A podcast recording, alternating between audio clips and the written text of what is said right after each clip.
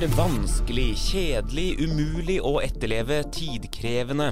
Meningene om GDPR er eh, mange, men personvernet er noe av det viktigste vi kan verne i eh, en digitalisert verden. Er GDPR til hinder for innovasjon i norske bedrifter, eller kan det tvert imot være en trigger? Direktør i Datatilsynet Bjørn Erik Thon er gjest i InnoPodden i dag. Velkommen til oss, Bjørn Erik. Mange takk. Veldig hyggelig at du kunne komme hit. Velkommen til deg, Håkon Haugli. Tusen takk. Eh, Bjørn Erik, hva, hva, er egentlig GDPR? Det korte formelle er jo at det er eh, personvernregelverket som kom fra EU for et par års tid siden. Eh, og det stiller opp eh, hva slags regler man har når man skal behandle personopplysninger. Det pålegger virksomheten en god del plikter, altså en del ting som man må gjøre for at man skal få lov til å behandle, som vi kaller det, opplysningene til folk. For egentlig har du ikke lov til å gjøre det. Uh, mine opplysninger er mine opplysninger, og du kan ikke gjøre noe med uh, mitt atferdsmønster eller helseopplysningene mine uten at du har en eller annen hjemmel for det. Du må liksom ha lov til å gjøre det, og det er det GDPR uh, bestemmer, eller personopplysningsforordningen, eller personvernforordningen. Og så er det også sånn at vi som forbrukere eller borgere vi har en god del rettigheter eh, i dette regelverket. Eh, F.eks. retten til innsyn i opplysninger som er registrert om oss. Men kanskje det viktigste å snakke om her er jo nettopp det at ved å pålegge virksomhetene en god del plikter, så skal man få et bedre personvern for alle eh, i, i, Norge. Eh, man skal ansvarliggjøre virksomhetene sånn at de behandler personopplysningene våre på en god måte. Jeg, jeg, tror mange fikk litt følelsen at plutselig så begynte vi alle å snakke om GDPR. Men det var jo ikke strengt tatt noe nytt, sånn som du nevnte litt innledningsvis. da. Eh, nei, altså vi har jo hatt et eh, personvernregler i Norge i mange, mange år. Ja. Eh, siden 19... Ja, jeg husker ikke. nei, det er lenge siden, ja. Siden, lenge siden. Ja, ja. Eh, og eh, det som er nytt med dette regelverket, er jo for det første at det er likt i alle eh, land i Europa. Og i tillegg så skal det praktiseres likt i alle land i Europa det er bygd opp eh, samarbeidsmekanismer mellom eh, land i Europa, sånn at reglene da skal være likt om du er bulgarer eller om du er eh, nordmann. Eh, og så er det selvfølgelig det som har vært veldig mye snakk om, det er at det har blitt mye høyere gebyrer eller bøter for å bryte dette regelverket. Og det var nok det som trigga den eh, diskusjonen, tror jeg, ja. som var for tre-fire år siden, som mm. begynte da, nemlig at nå kan det bli skyhøye bøter. Eh, og det gjør jo at personvern eller det viser jo for, for meg at personvern er mye viktigere nå enn før. For ja, bare gå ti år tilbake i tid, når jeg begynte Datatilsynet, persondata var veldig viktig. Men nå er det jo bedrifter som Altså de viktigste, eller de mektigste og rikeste bedriftene i verden, de har som forretningsidé å bruke dataene våre. Og det er Google, og det er Amazon, og det er ja, også til en viss grad Apple, men i hvert fall de to første. Deres forretningsidé er jo å kapitalisere på de dataene som vi legger inn. Eh, og det har blitt de rikeste og mektigste selskapene i verden. Og det viser jo egentlig med all mulig tydelighet eh, hvor viktig opplysningene våre har, har, blitt. Ja, for Det er sikkert flere da, bedrifter som sitter og tenker ja, men vi gjør jo ikke det. ikke sant? Vi skal jo bare sende ut nyhetsbrevet vårt, vi også.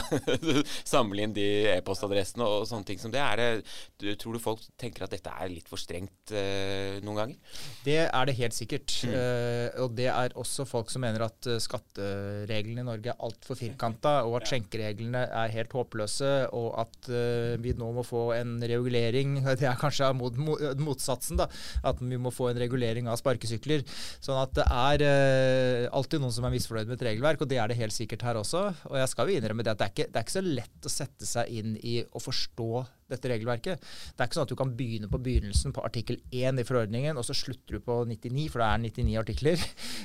og så sitter du med følelse av aha, det er sånn jeg skal gjøre det. Ja. sånn er det nok dessverre ikke. Men sånn er det jo ikke med skatteloven og konkurranseloven og andre ting heller. Det er mange ting vi ikke forstår så godt. ja, og dette har blitt personvern og personvernregelverket har nok blitt mer likt andre regelverk på en måte. Altså at det er en rammebetingelse som man rett og slett er nødt til å forholde seg til, men som også gir mange muligheter, som vi sikkert også skal snakke litt om seinere, Håkon. Ja, absolutt. For, for, Håkon, vi er jo en lyttepost ut mot bedriftene i Norge. Ja.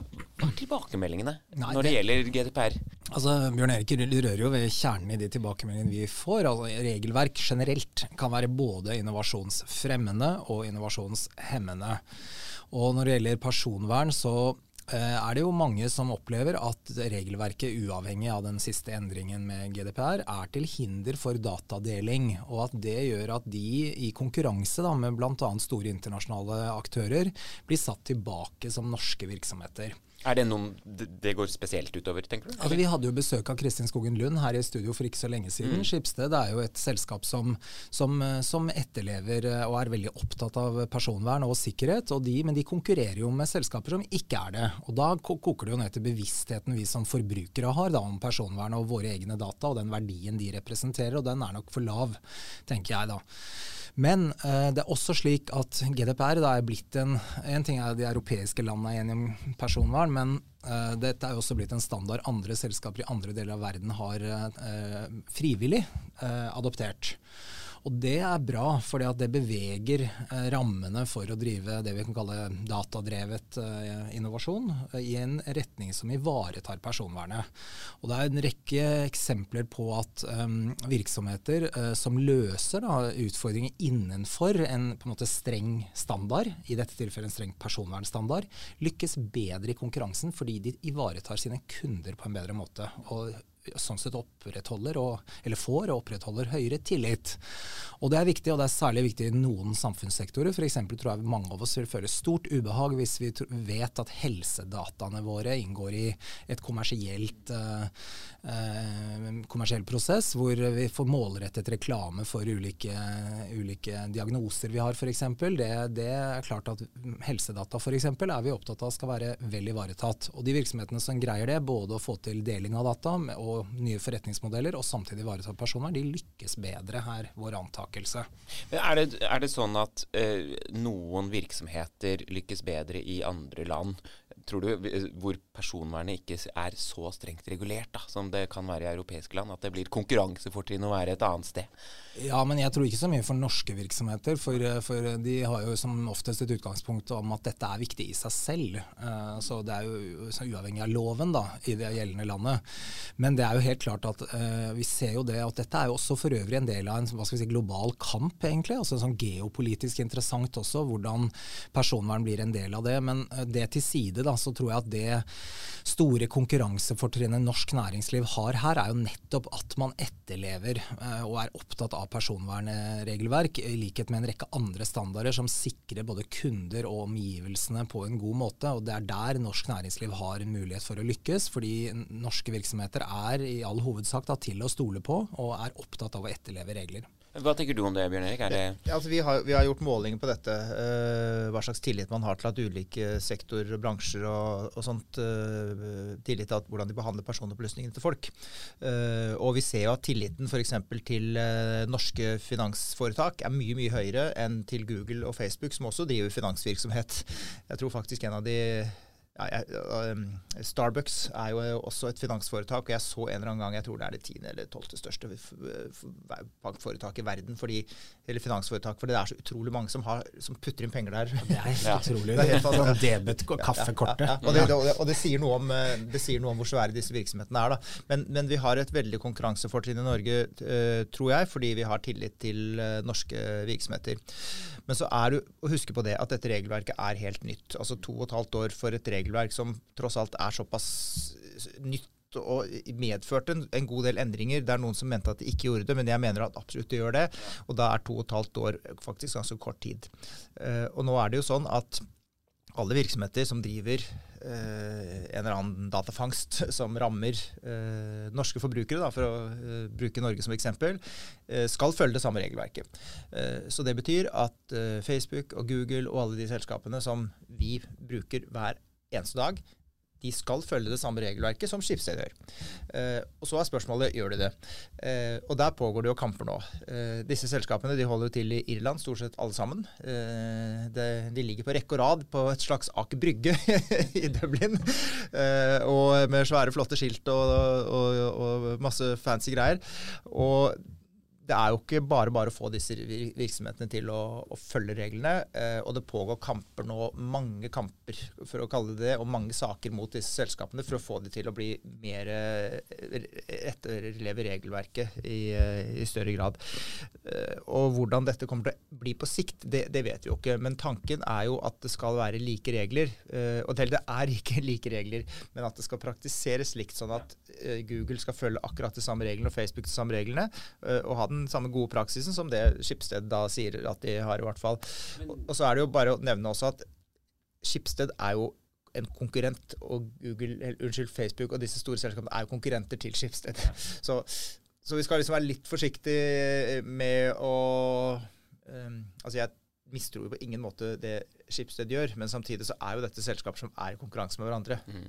Men er det mulig å ha en sånn internasjonal, et internasjonalt tilsyn med personvern? Dere ser jo norske virksomheter etter i kortene. Er det et internasjonalt datatilsyn? Ja, nei, det, altså, det, er et europeisk datatilsyn. Ja. Eller det vil si det er et europeisk datatilsynssamarbeid. Ja. Så det betyr at alle EU, e, e, altså EU og EØS-land, det er vel 30 eller 31 eller noe sånt nå, eh, treffes jo ustanselig i Brussel. Uh, I hovedgrupper og undergrupper, og det er et svært system som er bygd opp. Uh, jeg tror vi, Nå er vi jo ikke i Brussel lenger, men jeg tror vi har folk i Brussel når flyene går, og nå på telefonmøter hver eneste uke. Uh, nettopp for å samordne innkreving av, eller unnskyld, håndhevelse av saker, lage retningslinjer sånn at regelverket skal praktiseres likt. Men dette er jo ikke noe som er gjort uh, på et par år. Det tar tid, og det er fortsatt mye arbeid som gjenstår. Det skal jeg ærlig innrømme. Ja. Håkon, er det muligheter her også altså, for norske bedrifter når det gjelder GDP? Definitivt. Og det som eh, et oppdrag som Datatilsynet har fått, da, som det hadde vært artig om Bjørn Erik sa noe mer om, det er jo dette å være en slags sånn sandbox, altså et utviklingsarena for, eh, for løsninger. Hvor, og dette hører jo vi mye fra særlig ledere i offentlig sektor at personvern er til hinder for datadeling mellom ulike virksomheter. og Det er jo noe vi er opptatt av også å være en del av, da, det arbeidet. og Hvordan vi kan koble oss sammen på det. Men Eh, og sandboxing, eller sandkasse, da, det er jo en måte å se på reglene, og er det mulig å, å, å eh, tilpasse regler eventuelt, eller i hvert fall tolkningen av dem, eh, innenfor et avgrenset rom da, i tid og, og, sted, for å se om det så bør føre til en mer permanent endring. Men jeg tror også et sånt tiltak vil bidra til noe annet som er viktig, og det er å oppklare misforståelser om personvern. Fordi det er nok også en forsiktighetskultur da, i mange miljøer hvor man ikke eh, helt tørr, fordi, og personvern kan bli et sånn trumfkort inn i en diskusjon. Nei, nei, dette kan vi ikke gjøre fordi det er til hinder for personvern, mens det i realiteten er mulig å gjøre det. Så det er den type mekanismer er viktige. Kan personer da skape innovasjon? Ja, jeg mener jo absolutt det. Og i vår strategi så står jo det som Om det er punkt to eller tre, det husker jeg ikke. Men eh, vi har jo et punkt som sier at vi ønsker å jobbe for at eh, personvernfremmende teknologi, eh, og for at personvern og innovasjon kan gå sammen. Eh, og Det er derfor som Håkon sier vi søkte midler om eh, å få starte en regulatorisk sandkasse for kunstig intelligens, som er rett og slett et sted hvor virksomheter kan ta med seg løsningene sine og få testa de ut. Både juridisk, men også teknisk. Og den frykten for personvern, den er absolutt til stede, og den irriterer meg veldig. Mm. Jeg forstår det på en måte, men samtidig Hvor kommer den fra, tror du? Er, er det måten vi snakker Nei, jeg, jeg, tror den kom, For det første tror jeg den kommer fra at, at en overforsiktighet pga. bøter. Det tror jeg er helt uh, riktig. Uh, også rett, og fordi at dette her er ganske vanskelig.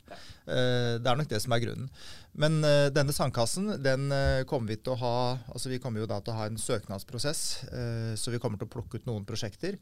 der kommer vi selvfølgelig til å ha bred dialog med næringsliv, virksomheter, nei, organisasjoner mener jeg, og offentlige etater. fordi dette er jo ikke noe vi gjør for vår del. altså Vi skal lære noe av dette tilsynet, men det er jo fordi at vi skal fremme innovasjon hos de selskapene som kommer inn i sandkassa. Det er jo det som er grunnen til det.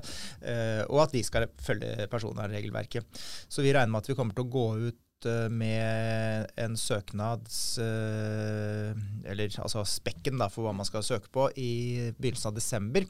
Prosjektlederen vår, som uh, kom fra Telenor for øvrig, begynner på mandag. Så dette er i full gang allerede. og vi kommer til å ha rundebordskonferanser og samråd nå frem til ja, de neste månedene, da, når hun er på plass, så begynner hun å rigge det. Så det kommer til å bli kjempebra. Og stikkordene er jo da godt personvern, gjerne innebygd personvern i løsningen, innovasjon og samfunnsnytte. Eh, det er det. Det grove så kommer vi til å, selvfølgelig til å granulere dette ytterligere, men det er liksom hovedgreia vår. Ja, For her, Håkon, har jo egentlig næringslivet det samme målet. ikke sant? Bør man være bedre til å dele erfaringer rundt personvern og, og GDPR i, i, næringslivet i dag? Absolutt. Og så rører det ved et annet veldig viktig tema, og det er sikkerhet. Altså En virkelig store trussel mot vårt personvern er jo En ting er jo hva virksomhetene gjør, men en annen ting er jo angrep utenfra. og der, sant, Her mener jeg Norge har potensial for å utvikle en helt ny eh, Eller ny er den ikke, men en hel industri. da, Bygge på noen norske fortrinn. Nettopp dette at vi har ryddige samfunnsforhold, eh, miljøer med sterk eh, digital kompetanse. og en slags felles forståelse av hvordan rammene bør være. Og det, liksom, vi har eh, mange norske selskaper som jobber med identifikasjon på nett f.eks., um, som er et eksempel på det. Og norsk banknæring var supertidlig ute med digitale løsninger. Uh, og i forlengelsen av det så er det potensialet her. Og dette er løsninger hele verden etterspør allerede, både på sikkerhet og personvern. Og de to tingene henger veldig nøye sammen. Så det er et kjempepotensial her for norsk næringsliv. Til slutt, Bjørn Erik, hvor, hvor gode er vi da i, i Norge? i europeisk sammenheng? Uh, vi er veldig gode, vil jeg si.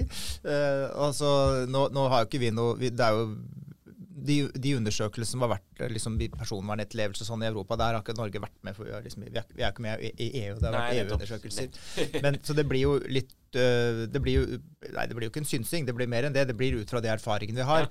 Uh, men det vi har sett, er at diskusjonen i Norge knytta til personvern har vært mye mer positiv enn i andre land. Det har vært mer sånn dette kan jo faktisk bli innmari bra.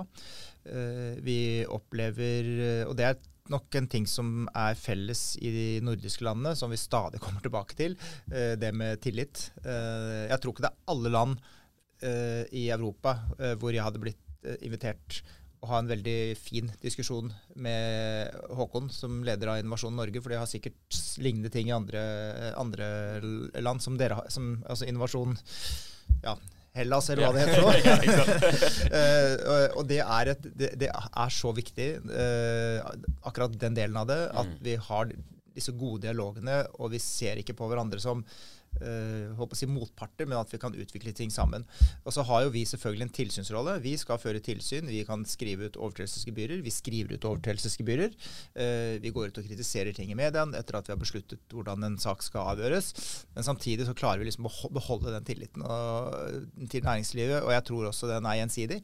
Uh, og det er utrolig verdifullt. Og jeg tror faktisk det er mye penger å tjene på dette. Og til lytterne, da, dette er jo, sånn, i, i, forlengelsen av dette, jeg opplever det jo på akkurat samme måte. Vi, og til de som måtte høre på dette, da, og som driver en virksomhet som opplever at det de forsøker å få til, da, den innovasjonen de forsøker å skape, butter i personvernregelverk, de vil vi gjerne høre fra. For det er en viktig del av vår dialog med Datatilsynet er jo nettopp å synliggjøre de utfordringene. Så kan det være ja, det kan være et reelt problem, i så fall må det gjøres noe med det. Eh, eller det kan være noe vi kan bidra til å oppklare eller vri, bidra til å vri innovasjonen i en annen retning innenfor de rammene som er lovbestemt. Så den eh, utfordringen, oppfordringen vil jeg altså gi. Det får vi håpe. De eh, tar den, de som eh, hører på Bjørn Erik Thon. Det er veldig trygt og godt å ha deg her. Tusen takk for at du kom. Høy tillit til deg også, det er bra. Inne på den. Vi er tilbake neste uke. Takk til deg også, Håkon Haugland.